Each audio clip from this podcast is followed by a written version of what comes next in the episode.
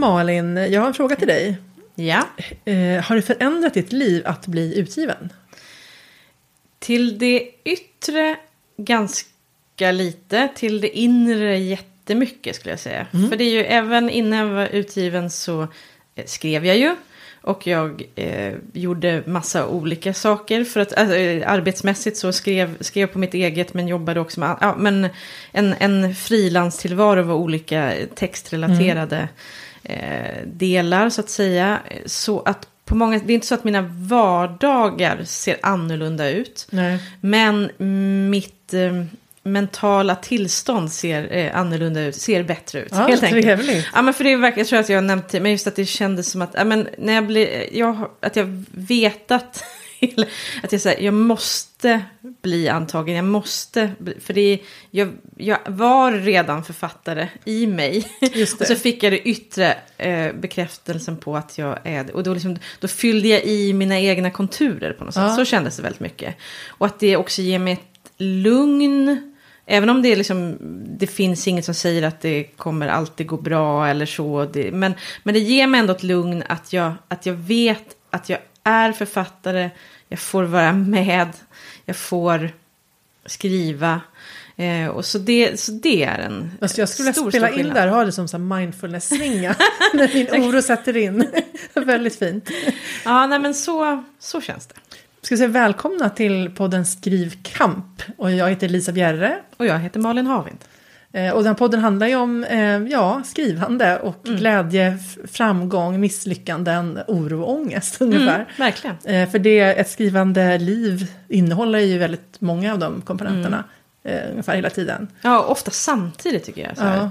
Glad ångest och eh, jag vet inte, framgångssorg. Nej, det är många sådana märkliga kombinationer. Ja, men framgångssorg kan ändå inte finnas eller? Nej, jag vet inte, vad ska jag säga? Vad- Och vad jag saknar i mitt gamla liv när jag inte hade... Nej, nej, nej, det, det var Nej men det dålig... finns säkert. Mm, Men... men då tänkte jag liksom framgång i det, i det, jag vet inte, i det lilla. Eller men, men det som vi har pratat om just det här att, att det kan finnas, ja, kommer jag någonsin bli så glad igen som när jag fick det första antagningsspelet? Alltså den typen Men det är väl bara att acceptera, svaret är nej. Nej, så är det. Ja, det kommer släppa aldrig, det, eller vi aldrig. Nej. Jag går vidare i livet. Ja, verkligen. Ja, men man kan inte heller så att säga, alltså man, det är som en förlossning när man föder barn, alltså just i det, eh, vad ska man säga, just i själva efteråt, så när man har de här enorma ko- hormon, s- s- liksom stimmet. Känslan kommer man ju heller aldrig uppleva igen. Liksom. Alltså, eller jag vet inte om du kände så också, endorfiner just i... Nej, jag kände Nej. inte så. Nej. Nej. Men jag, jag, jag, för, jag förstår. Ja, jag fattar. ja precis. Det, det handlar väl om hormoner, adrenalin och alla möjliga. Man kan ju vinterbada och försöka återskapa någon slags... Eh, men hur som helst, jo, jag, jag tänkte vi kunde prata ja, men lite grann om det här med eh, ja, men så här, vad som gör att man orkar hålla ut i skrivandet. Ehm, och då, jag tyckte det var intressant, för en gång tidigare så citerade du ju Artur, Artur Lundqvist. Eh, Så jag kände att jag behövde liksom komma med någonting jag med. Och så jag har börjat läsa en bok om skrivande av Ivar Lo Johansson. Och det är väl också ganska coolt. Eller? Ja. Eh, Och då, eh, då skriver han så här. Eh, exhibitionismen kommer på en framskjuten plats i varje författares traktan och strävan. Vanligen först därefter kommer missionärskapet, målsättningen, diktens skolläraruppgift. Utan stark fåfänga tycks ingen bli riktig författare. Utan fåfängan håller man liksom inte ut. Gud Eh, vad spännande. ja. Och, och, och eh, smärtsamt, eh, säkert helt sant. Ja, men är det inte liksom, ja, där måste man inte, ja, men just det, alltså hur, alltså hur viktig är fåfängan för att orka kämpa på? Jag, menar, jag, menar, jag, jag tror att det stämmer väldigt väl, att man har jag menar, det, det kanske är lite generande att... Att, det är så. Ja, men att man, det, jag tänker att, för jag menar, det är en sak att, att vilja skriva, men att vilja bli utgiven och läst. Så kan man ju såklart prata om att, att jag vill ju bli förstådd, det är ju så min, ska jag säga, mitt livs eh, Ja. stora liksom, grej i allt jag gör. Det är liksom, med. Jag är likadan. Ja, och, det, och, och ska gärna skapa förståelse även alltså hos andra liksom, kring saker som är viktiga och som jag känner för. Men, men det finns ju också en, en stark ådra av att jag, alltså det är ändå jag som ska göra det. Jag ska inte vara osynlig Nej. i den processen. Alltså, men det får man ju ändå medge att det finns en, en vilja att lite grann synas och höra. Alltså nu sitter vi och spelar in en podd till exempel. Mm. Jag tänkte, tänkte på det när jag läste det här, exhibitionismen kommer på en framskjuten plats. det, det, är ju svårt ändå att säga att den inte existerar då. Nej, nej det, men det finns ju en, en anspråksfullhet ja. i att i att vilja bli och att vara författare. Att man, ja. det är inte bara att jag skriver utan jag tycker också att det är så pass eh, värt. Att ja. det borde vara värt för andra att läsa. Det ja men ju, precis. Att... Det, är ju, det är ju ett... Det är ju en slags fåfänga kan man säga. Verkligen. Eh, och det är ju inte heller... Alltså skulle någon komma med en gnutta beundran så är man väl inte den som helt skjuter, skjuter nej, undan gud, detta. Mm, mm. Men, men alltså, jag, jag tänker liksom ändå att det är ganska gemensamt ändå för, all, för alla som skriver och vill bli utgivna. Mm. Att man har den biten. Och jag tror också att Alltså det här med alltså att, att, det, att det, vikt, det kan också vara viktigt för att orka tror jag. Att man måste ju Ska man, alltså, jag menar, vi skrev ju ändå i fem, tio år, eller, alltså, kanske, eller fem år någonting, innan vi blev, fick ett kontrakt mm. på skönlitterärt, då, eller sju år, någonting sånt där. Eh, men, men eh, ska man orka alla de åren eh, som jobbade mot ett sånt mål som man inte vet om man någonsin kommer uppnå, alltså behöver man ju ha någonting som driver där. Ja. Fåfänga kanske inte, alltså enbart fåfänga tror jag inte räcker. Nej, det tror inte jag heller. Man, alltså, då, då beror det på vad man, menar, man menar med fåfänga också. Man, med fåfänga menar någon slags alltså, längtan efter en exklusiv författarliv. Då tror jag verkligen inte att det räcker. Och det, det är kanske inte den Nej, att man ska liksom som... leva någon, ähm, leva topplistorna för att liksom kunna köpa dyra våningar Nej, men det och finns klänningar. många liksom. inte, lättare ja. sätt att tjäna pengar på än skriva böcker. Det, det, är väl, liksom, det är ett av de ändå mindre lukrativa yrkena för liksom, 99 procent av alla mm. som skriver. Så det får man ändå säga. Så att det är en annan fåfänga, mm. att man vill bli lyssnad på eller mm. liksom. Um, en intellektuell fåfänga kanske, alltså att det är man, ja jag vet inte. Um, ja, eller ja, ja, känslomässigt, alltså man vill liksom ja. nå ut, alltså väcka känslor för någonting man, man själv Precis. bryr sig om. Jag har alltid tänkt att så här, just vad driv, jag har, har men som ett nästan, och jag vet inte varför det är så, men, men någon form av liksom ett uttrycksbehov av att saker, saker måste ut ja. och, och, då helst i textform. Um, och att det, det, att det känns fel i mig om jag inte får utlopp för det. Liksom. Ja. Um, men det är ju, ja, uh, visst är det kopplat till någon form av fåfänga. För men, jag skulle kunna men, skrika ut ett tomt intet också. Ja, ja, men ett behov av att berätta, liksom. det är ju också en drivkraft att man vill ja. berätta. Men jag tänker också, eller för mig har det ändå varit som att alltså någon slags så här galenskap eller alltså så här nästan religiös eh, tro mm. som har drivit mig. Därför att men man vet hur svårt det är att bli utgiven. Alltså man kan, det, det är så lätt att man bara... Alltså man, det finns ju, man kan ju tänka så här, men det här är ju jättesvårt. Jag kanske skulle kunna lägga den här tiden på något som är liksom mer givande än att mm. försöka i 2000 timmar, liksom, någonting sånt här. Men, men, men, men jag har haft den här tron hela tiden att, att på något sätt är meningen att jag ska bli författare. Mm. Och det låter ju så otroligt så här, klyschigt, men, men, men jag tror att det gör ju att man vågar då, så att säga, eller orkar vidare. För att man tänker att det är ju det här jag ska göra. Eh, och det blir ju näraliggande till det religiösa för att det blir någon slags ödestro. För att om man börjar ifrågasätta det så finns det ju en risk att man inte längre, att man tappar det liksom. Mm. Alltså, och jag hade ju någon, en grej som har varit jätteviktig för mig är ju då att jag dejtade en kille eh, en gång i livet som, som då gillade astrologi. Och som också skrev och som då tog fram mitt, alltså bara kom han en dag och bara Lisa har gjort ett horoskop. Och jag blir så avundsjuk för det här är ett sånt jäkla starkt författarhoroskop. och, och, och det här låter ju så otroligt banalt. Men för mig, sådär, även om inte jag egentligen tror på astrologi, så har det varit någonting som jag har hållit fast i i, genom åren. Jag har tänkt så här, men jag är ju ett författarhoroskop. Det, det, det, är klart att det här, ja, det, det är klart att det kan gå. Liksom, och försöker alltså hitta tecken. Så här, uh -huh. kommer, det, kommer, det, kommer det gå, kommer det inte gå? Och så så här, jo men det måste liksom, det, det, det är det här som ska bli. Det här ska ju vara mitt liv. Men du har inte sagt det i kontakt med här, agent och följ, bara så att ni vet. Hej, jag heter Lisa, jag har väldigt starkt författarhoroskop. De bara, okej okay, vi signar. Nej, jag har faktiskt aldrig berättat det. Nej, jag förstår. Men, ja, nej, men det är, jag har liksom aldrig tänkt på det som ett val heller. Utan bara säga, ja men jag, jag skriver, så är det. Eh, och sen så, så finns det, men nästa steg också, man, man vill bli utgiven. Och det har aldrig slagit mig att jag inte skulle fortsätta försöka. Inte, inte innan, innan jag blev utgiven heller. Utan det vill säga, jag kommer göra, det här kommer jag hålla på med.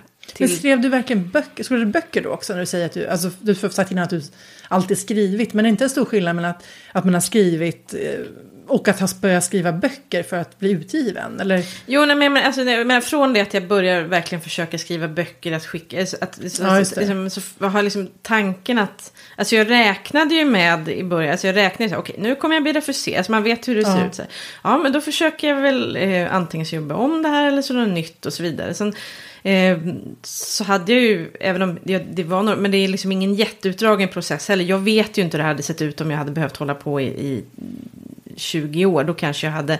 Men jag har ändå liksom... Man kunde ha vacklat då Nej, kanske. men många andra saker. Men här har verkligen varit okej, okay, så det där gick inte det där och då gör jag det här, då tar jag tag i en annan tråd och liksom... Men bara, verkligen så här... Eh, liksom bara framåt. Liksom. Okej, då lägger vi det åt sidan, då testar jag nästa grej och sk mm. ja, skriver vidare. Men det låter väldigt så här jordnära, för jag tror att jag har haft en sån himla romantiserad bild. Mm. Eh, med sådär skyhöga förväntningar. För jag hade ju, när jag skickade in mitt första manus, då var det ju ändå så här, det kanske var just för att jag hade den här, eh, jag, jag känner mig så här skamsköljd när jag pratar om det, men att jag kände att jag var utvald, att jag trodde att jag hade en, att jag hade en begåvning för att bli författare. Eh, så jag trodde ändå, alltså även om jag ska säga så här, det är klart jag hade massor av självtvivel och, och var liksom jätteorolig och liksom allt det här. Men någonstans hade jag den här tron på liksom att jag ska bli författare och jag kan det här. Och jag, kan, jag hade ju fått höra sedan jag var liten att jag var duktig och mm. att det är klart att du ska bli författare. Jag har liksom fått uppmuntran. Eh, och så, så att när jag väl började skriva då trodde jag ju liksom att ja, men nu, nu händer det då. Och, så att jag trodde ju verkligen då när jag skickade in att ja, men snart ringer, jag föreställde mig nog en man 50-55 som skulle ringa och bara, alltså, så här, Lisa du är upptäckt. alltså, och, så att, liksom att, och även om de inte gillar att ha manus så skulle de ju ändå se den här otroliga kapaciteten mm, i min text. Alltså jag hade nog, eh, och sen när inte det hände, då, då blir ju det alltså att självbilden darrar till. Mm. Att man, och det var, ju då, då, det var ju då att jag fick insikten av att ja, men det här är verkligen ett hantverk och ska jag hålla på med det här så måste, alltså, jag måste ju bara skriva vidare. Alltså mm. jag trodde ju innan att det var lite så här, ja, men man gör, att jag, det här var min lott så att säga.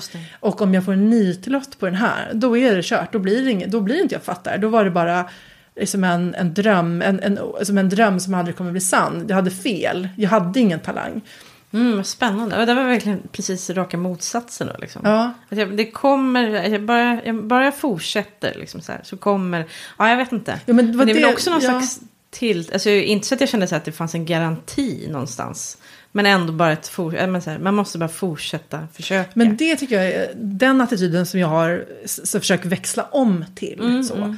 För, det var, för, för, alltså för då, då definierade jag, jag hade, jag hade någon sån moment liksom på en strand, jag definierar som ungefär att det jag vill är att jag vill liksom ha ett, alltså fortsätta utveckla mitt författarskap och bli bättre och bättre på att skriva böcker. Mm. Liksom att, att istället för att säga jag vill ge ut en bok eller liksom, jag vill, så här, att det blev någonting pågående som Mm. jag får, ska hålla på med. Just det.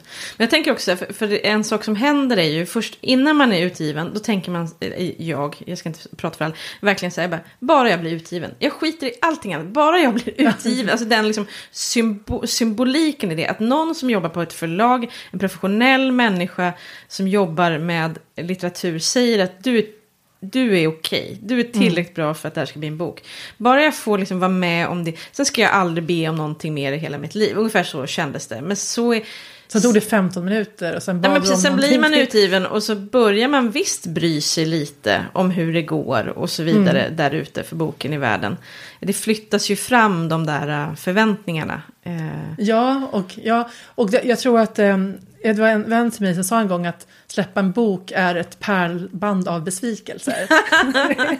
Eh, så att, och det finns någonting som ligger i det, att man är givetvis otroligt glad eh, och tacksam och så vidare att man får ge ut en bok. Liksom, eller så. Men sen kommer ju då, ja men man har ju ändå förväntningar, eh, eller i alla fall hade jag, för mig blev det ju så att jag hade kanske inte så höga förväntningar från början. Men Susanne Kasselfeldt som jag skriver med, mm. hon, hade, hon är verkligen så här, så här, låga förväntningarnas mästare till skillnad från mig. Men däremot hade hon en vision för vår serie.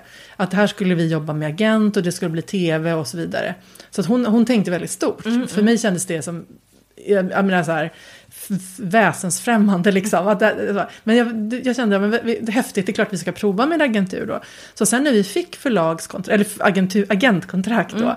då blev ju det en ny förväntan. För då har man mm. den bilden, jag kunde inte så mycket om det. Utan då tänkte jag att när man får kontrakt med en agentur, då är man ju hemma. Då är alltså, klart. Nej men verkligen, då är det ju utlands... Alltså, jag trodde ju inte att jag skulle bli miljonär, men jag nej. trodde att jag kände att nu finns det liksom en rimlig chans att man skulle kunna få en heltidsförsörjning för i alla fall liksom första bo alltså så att man liksom får komma igång med något då. Men så blev det inte. Nej, eh, och jag är jättenöjd med Alltså vi har, vi har kontakt med Finland, Norge och Danmark, jättefina förlag. Mm. Så jag är supernöjd med det. Men att man, liksom, att man inser det här att av de allra flesta som får eh, agentkontrakt är ju, är ju inte så att det blir en... Jättestora eller att det Nej men förskotten mm. är ju inte så himla stora oftast. Och det, så det, är liksom, det är ovanligt. Men det är ju de fallen man läser om i tidningen. Det är ju mm. de som får två miljoner eller tio miljoner liksom på Tyskland auktion. Alltså det är det man läser om. Mm. Och, men de allra, allra flesta, då, det finns ju många som har agentur som inte ens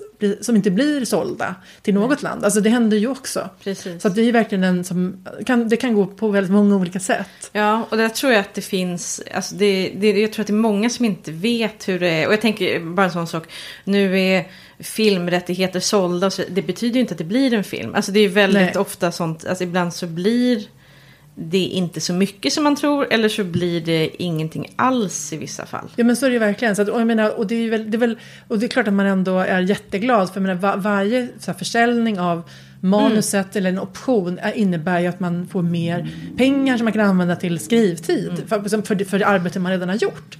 Så det är ju superbra men det är, liksom, det är väl det att man inte ska ha Alltså man ska inte förvänta sig att det ringer någon och säger du, du är utvald, du, din begåvning strålar över alla andra. Utan liksom att, att det kommer vara, för de allra flesta blir det ändå att man får jobb, jobba rätt hårt ett antal år för att liksom ta sig framåt och att bygga upp mm. författarskapet.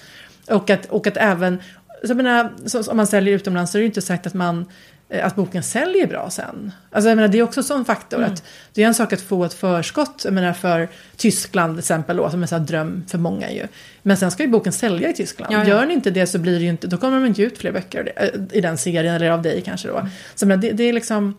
Man ska, nu, ska, nu ska man inte vara, vara neggig. men, men just det, så här, jag tycker liksom det är intressant att man, ja, men att det är så många, man har så många föreställningar. Mm. Och jag mm. tror att ju mer falska så för, för alltså så här, för bilder man har av saker, just fler, fler besvikelser kommer ju. Jag också, för jag tänker en, en sak som ligger i författarlivet också, vi ska säga författaråret, om man tänker då att man uh, ungefär ger ut en bok om året, så, så jag är nog en ganska så, liksom, söker nog hela tiden små kickar i, alltså mm. verkligen kicksökande person. Och i, det finns inbyggt i författarlivet.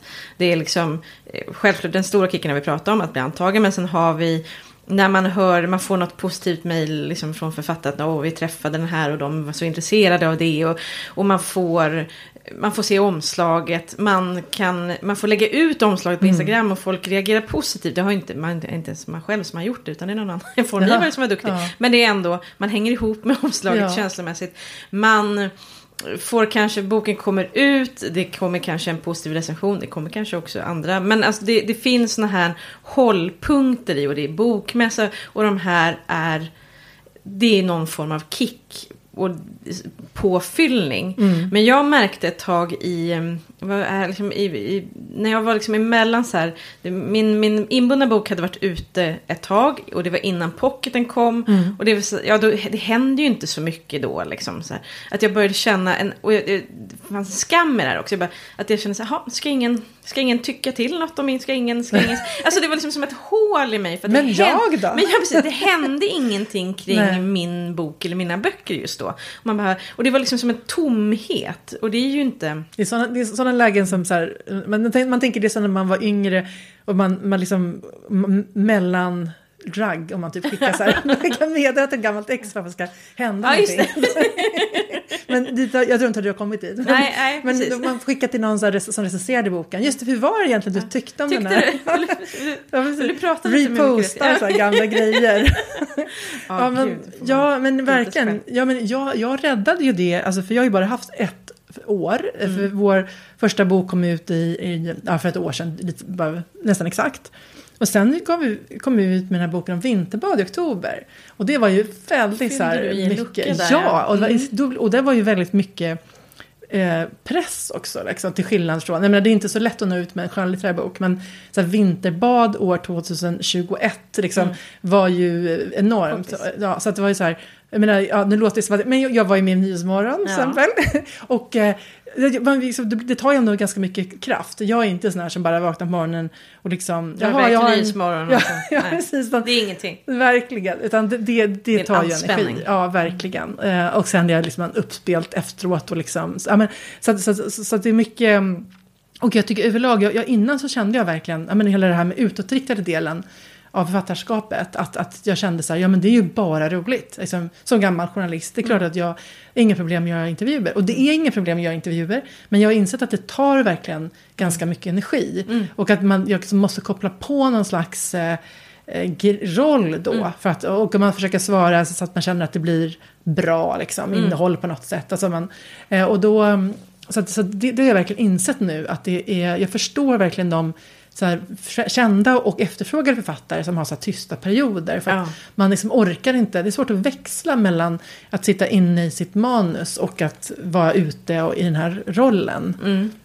Ja men verkligen. Och jag tror att man egentligen på ett sätt skulle behöva jag, jag fick den här tomhetskänslan men egentligen tror jag att jag skulle behöva vara i det till- tillståndet längre. Det är sundare på något Ja. sätt med de tysta perioderna än de här där någonting lite roligt händer hela tiden. Eller Just klart det. man vill, att, man vill att det ska hända roliga grejer. Men ja, det finns något osunt i att behöva göda Ja, sig Och- själv på det där sättet Ja, tiden. eller ja, jo men det gör ju. Men jag tänker också att det blir också annorlunda när man ger ut i andra länder. Mm. Slår det mig. För vi hade ju också så en period då i februari-mars nu. När vi då var först i Norge på en sån här jätterolig krimfestival. Och sen i Danmark på en jätterolig krimfestival.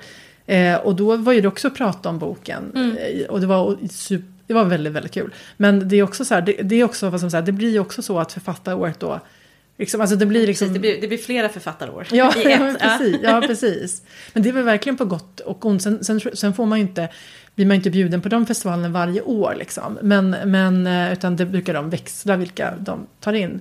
Särskilt bland oss som inte är stora namn. Liksom. Nej. Men, men, men just att det blir ju på, liksom, på gott och ont så här, fler tillfällen under Mm. året. För även om man kan längta efter det så blir det ju som sagt att det tar ju också Mm. energi. Men jag får väl gå in i min första sådana lugna period nu i höst då. Mm, just det. Fast nu hoppas jag att vi, att vi, vi har tänkt att vår nästa bok ska komma ut redan i januari. Om, om liksom planen håller. Så då, då kanske jag Ja, återigen... du tajtar till hela tiden. Du täpper till luckorna. Yes! Och du ser, så här, du ser hur stor ångest jag har över, över att möta tystnaden. Att jag liksom hittar på grejer hela tiden för att slippa den. Sluta fem bokserier parallellt. Ja, precis. att det aldrig ska bli tyst omkring en. Men jag tänkte vi skulle också, att jag skulle prata om det här, alltså vi pratade om det här med utveckla författarskap, att det, alltså att det är en bra, alltså det är ett bra sätt att se på det tycker jag. Och jag verkligen har fått landa i det efter att mina illusioner har krossats. eh, men också, och, hur, och hur gör man det liksom? Alltså för jag tänkte fråga dig, du är ju en beläst människa. Vad kan man liksom läsa för att bli en bättre författare? Mm. Jag tänker att alltså det viktiga är ju att, att man läser. Jag blir väldigt provocerad. Vissa personer säger, författare säger ibland att nej, vet du vad, det här tror inte jag är, det är om man ska vara lite sträng då, så tänker jag att det kanske oftast inte är utgivna författare utan aspirerande författare. Kan. Jag, ska jag verkligen ska jag läsa andra? Jag vill inte att mitt språk påverkas eller någonting så. Och det där kan jag, det provocerar mig. För att det, det, det, jag ser det som en plikt att läsa mycket Ja. när man är författare. Och jag tror, ja men det är klart man kan påverkas, men förmodligen till det bättre på ena eller andra sättet. Det innebär ju inte att man går rakt av och härmar. Men eh, ja, jag, vet inte, jag tror att det är jätteviktigt att man konstant läser och läser eh, brett, liksom varierat. Jag, jag, för, för min egen del så, så har jag ofta eftersom nu då är liksom inne i en historisk romanserie så är det mycket, har jag mycket researchläsning. Mm. Eh, och liksom research på olika nivåer. Dels är det att man ska liksom ren fakta men också Mm. att, att, eh, att försöka liksom läsa om, om en tid för att få en, liksom en känsla och stämningar och sådär. Men, och, men då har jag liksom ett system där jag har en varannan bok. Varannan bok är en, en bok som jag tar bara av ren lust. Vad som helst. Mm. Eh, och varannan bok är någonting som är så att säga en mer då en pliktläsning. Eller någonting som har kopplat till det jag håller på att skriva just nu. Så ett sånt, ett sånt system har jag i grunden. Och så ibland så håller jag inte det där utan jag liksom läser eh, bara det jag vill. Men, men så är det. Och det Men- tänker jag. Men det viktiga tänker jag är att man eh, forcerar text konstant. Ja. Men sen kan man ju förstås också eh, skriva eller läsa eh, böcker om skrivande också. Ja.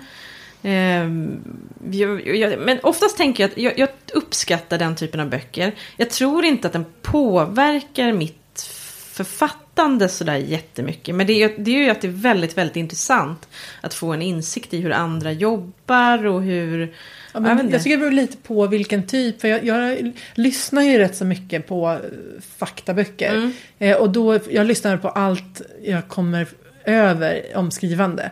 Eh, I alla fall om det liksom är rimligt eh, bra. Men Mm. jag har nog lyssnat på det mesta jag hittat på Story till exempel om, om skrivande. Och då tycker jag att eh, Alltså det är de, de böcker som är skrivna mer som handböcker Mm. är de som jag tycker är intressanta. Alltså inte så mycket kanske hur jobbar liksom Örjan Jönsson liksom med, sin, med sin text utan mer som, som en, men erfaren författare eller redaktör eller liknande, någon textmänniska som, som berättar lite tips och tricks eller så. Eh, Och jag menar, jag, jag, och då, jag, det är alltid någonting jag tar med mig av det. Ja men det håller jag med. Jag tar, jag tar nog också all, ofta med mig någonting som jag liksom har i bakhuvudet. Men det kanske inte får något konkret uttryck. Men det är ändå någon, någon jag vet inte, någon Ja, men- visdom eller någonting som berikar. Ja. Ja, men precis. Och jag tycker ändå, jag menar, om man blir inspirerad.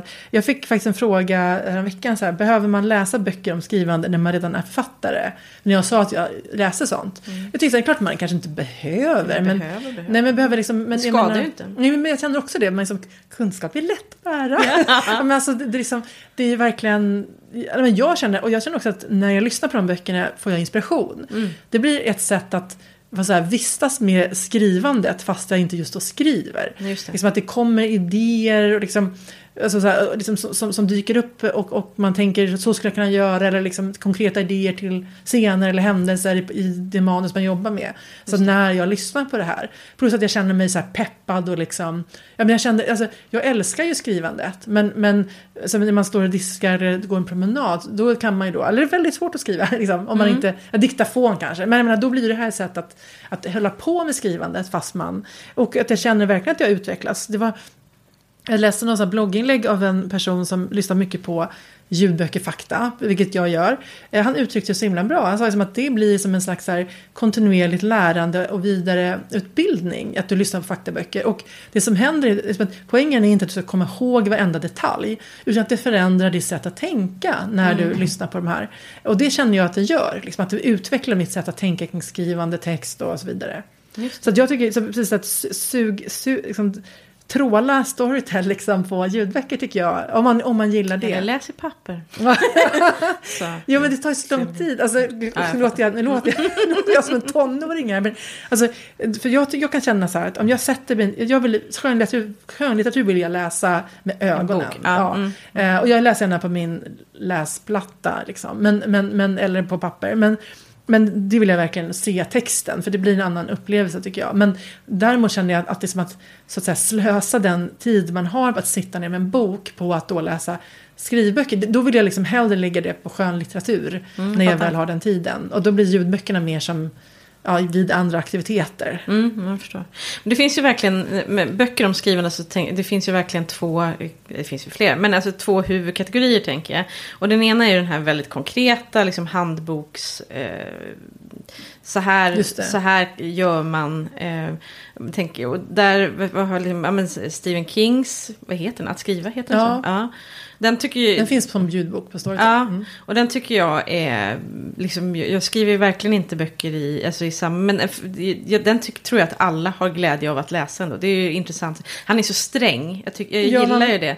Bara ja, mm. Men jag tror, jag tror man måste verkligen tänker att han inte är helt sanningsenlig. Alltså man kan inte, man kan inte läsa den och tänka så här, nu ska det här bli jag. Nej, för det första så är det ju väldigt, men tänk på hur, alltså att han kan ha då en fru som liksom ja, bara... Tabita är ju liksom största ja. stenen i hans författarskap. Ja, ja, men precis, som också gör att han kan skriva exakt varje dag. Men ja, alltså jag skulle ju gärna ställa in, slänga in mig i en källare och ha någon som serverade mat tre gånger om dagen. Mm. Det är liksom, mm. Men så ser det ju inte ut för de mm. flesta människor. Tyvärr. Nej, det gör ju inte det. Mm. Men det är, det är en, en rolig bok om skrivande då tycker jag. Ja, men det tycker jag också. Eh, men, och så finns, ja det finns ju många, men och i, i den andra genren så är det liksom den typen av böcker som kanske inte ger en något konkret och handfast, men som ändå kan, det är ju nästan som, jag tänker på Marguerite Duras, eh, Att skriva heter väl den också tror jag. Ja. Den är ju liksom, den är ju njutning att läsa, men den är ju verkligen nästan så, det är ju som att läsa en skönlitterär bok fast det handlar om skrivande.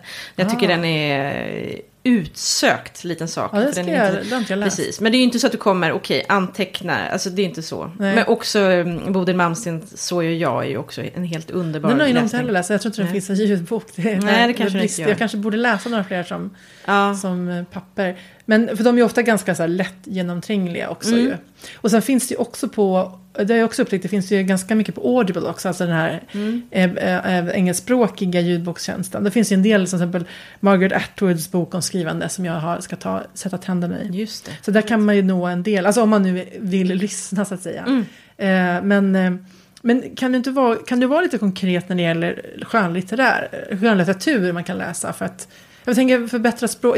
Jag vill till exempel jättegärna bli bättre på att använda miljöbeskrivningar för att skapa stämning. För miljö är liksom min svagaste länk, upplever mm. jag. Men först jag tänkte så här, miljö, stämning, då tänkte jag på John Ajvide Lindqvist. Han har ju också skrivit en skrivbok. Ja, den borde jag läsa. Annars ja, jag, jag har läst mm. allt av honom. Jag älskar honom. Mm. Och den är ju, han, hans skrivbok är ju framförallt rolig om man har läst åtminstone väldigt mycket av honom. För han är ju väldigt konkret i hur, så här gjorde jag med den här boken. Just det. Och det är ju mm. väldigt konkreta processer. Eh, så, den, så den läste jag. Jag läste de delar som handlade om de böcker jag har läst, för jag har inte läst allt. Mm. Eh, ja, nej, men annars, här hade jag nog behövt förbereda mig mer då för att tänka efter. Nej, men för det, jag Um, tänker att... Uh, alltså, klassiker säger ju många. Ja, det tycker jag att man ska läsa. Men jag tycker också... Men det, det är det här, läsa brett. Att, att läsa både klassiker men också läsa det som är säga, samtidsbevaka. Mm. Vad som är ens eget. Eh, ens, liksom, har en likhet med det man själv skriver. Men också läsa det man själv tycker är det bästa. Ja. Det bästa, det bästa. Jag kan känna ibland att, eller jag känner ju verkligen att jag borde läsa mycket mer. Att det är som ett ständigt dåligt samvete liksom. Eh, men, men jag lyssnar ju så mycket då. Men, mm. men, men då kan jag känna att när jag, sett, när jag ska läsa då blir det ju så här det blir så viktigt vad man väljer också, att man inte hinner läsa hundra böcker om året. Liksom. Eh, och då kan jag känna att den borde läsa, jag vill, jag vill läsa väldigt mycket av så samtida, ja, men, alltså kollegor. Men man vill ju också lä läsa ännu mer av dem som, som är mer väldigt erfarna och som man kan lära sig kanske som mest av. Eller mycket klass. Alltså, det blir svårt tycker jag att... Eh, hur ska man liksom göra urvalet där? Vad ska man prioritera? Ja, jag, jag, tror att man delvis måste man ju också gå på, på lust. Liksom. Vad, ja. vad vill man läsa? Jag, jag, tänkte, jag insåg sen någon gång, om jag fick, vad, vad jag helst då, om jag bara får gå på så här, vad vill jag läsa, så kan jag inte säga en, en specifik genre, men jag kan ju se, jag kan ju se liksom en, ett, ett samband mellan de böcker som, liksom, som ligger väldigt högt Vilket hos mig. Vilket är ditt samband? Ja, men det är ju, för jag tänker så här, några författare då som jag liksom håller mycket, mycket högt. Då är mm. till exempel Kristina Sandberg, Michael Axelsson, Marianne Fredriksson, Inger Alvén.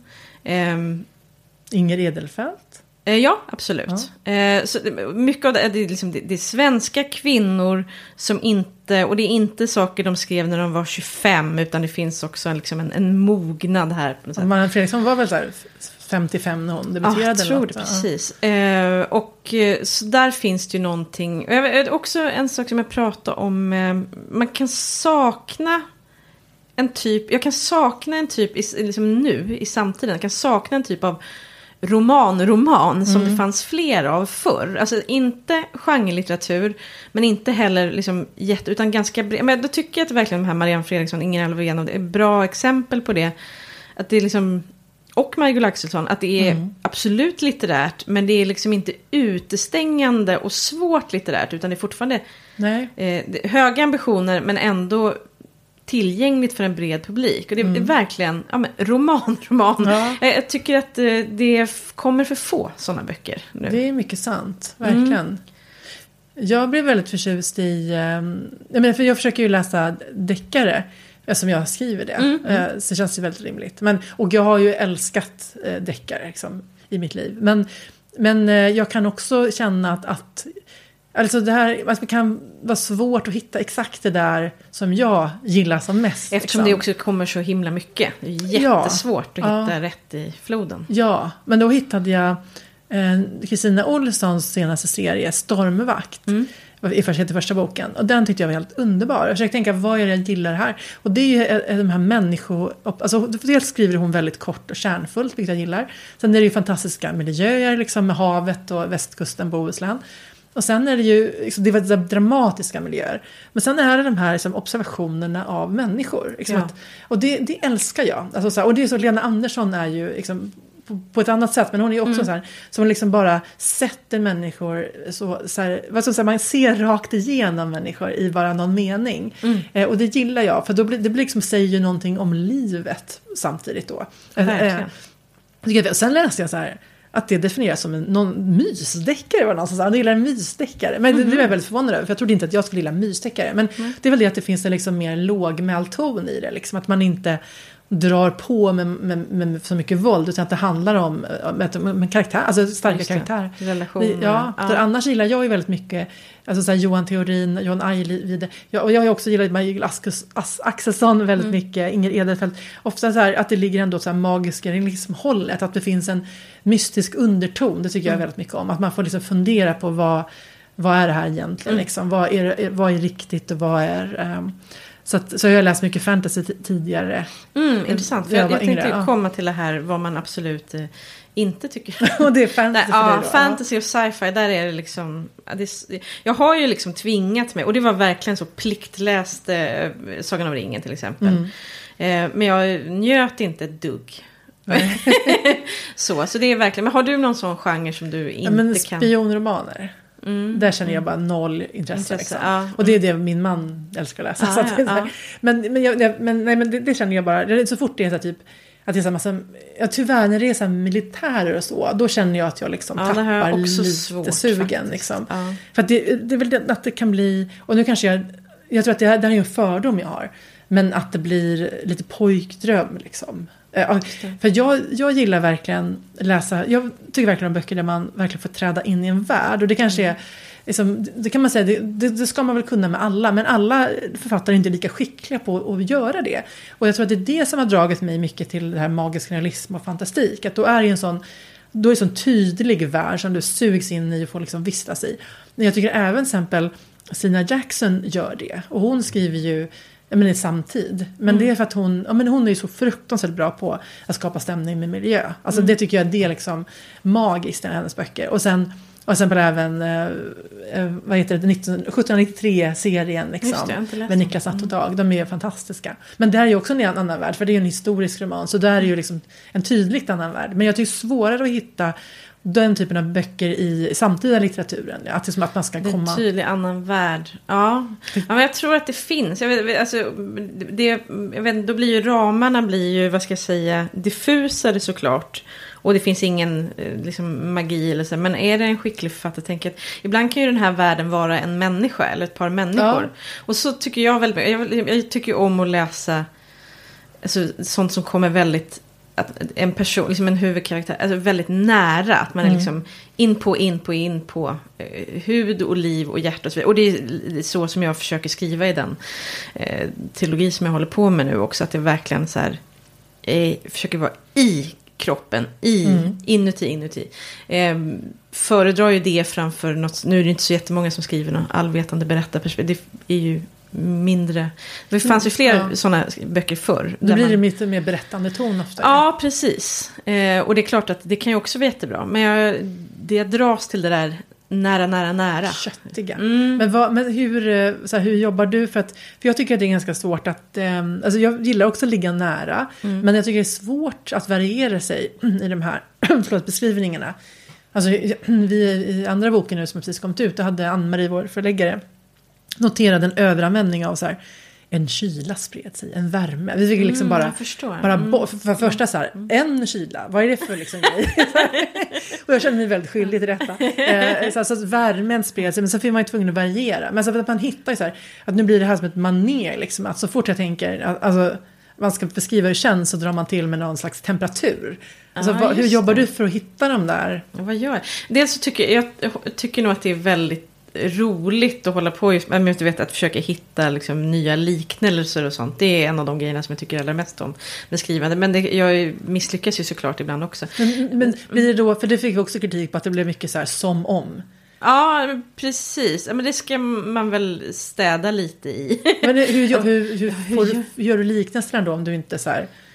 Ja, men ibland, kan man ju, ibland kan man ju bara liksom, stryka som omet. Att man kan ju skriva, nu borde jag haft ett konkret exempel men det får jag inte upp i huvudet så här. Men, men att man bara skriver att det är man förstår ändå att hon inte blev, nu det här är en jätteplatt, men här, hon blev inte en sten. Men att jag som läsare kan jag ändå förstå att det är en liknelse, även om som omet behöver inte vara ja, ja. där. Liksom. Det är ju lite skön genväg. Ja, men visst, och oftast blir det starkare upplever jag. Liksom, att, eh, men verkligen inte med stenexemplet, det var bara för att eh, men annars så tror jag också att jag gör mycket så att jag inte liksom skriver, när det är någonting som är lite, vad ska jag säga, det är nervigt eller det är liksom förhöjda känslor oavsett om det är obehag eller stor lycka eller någonting så, så är jag nog ganska att jag liksom går ner på eh, att det kanske inte ens är fullständiga meningar utan fragmentariska ord. Och för där tänker jag att jag försöker härma hur jag tycker att det är i mitt eget huvud. Liksom.